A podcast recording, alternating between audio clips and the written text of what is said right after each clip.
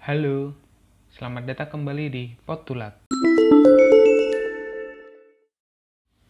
Sinkronus ketiga, agenda 3, Jumat 2 Juli 2021, masih diampu oleh Bapak Momon Rifai.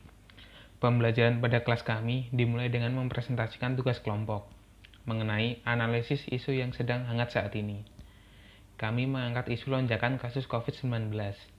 Bersepuluh, kami bergantian mempresentasikannya. Kali ini, kami lebih terfokus untuk mendalami akar permasalahan isu tersebut. Untuk menganalisis isu tersebut, kami menggunakan Fishbone. Atas isu lonjakan kasus COVID-19, kami identifikasikan menjadi empat faktor, yaitu manusia, sistem, supplier, dan lingkungan. Terdapat satu penyebab yang terdapat pada empat faktor tersebut, yaitu kurangnya tegasnya peraturan pemerintah dan ketegasan pemerintah dalam menjalani kebijakan-kebijakan yang sudah dibuat. Selain itu, kami memaparkan sisi positif maupun negatif terkait isu tersebut dengan menggunakan indikator, yaitu manajemen ASN, BOG, dan pelayanan publik.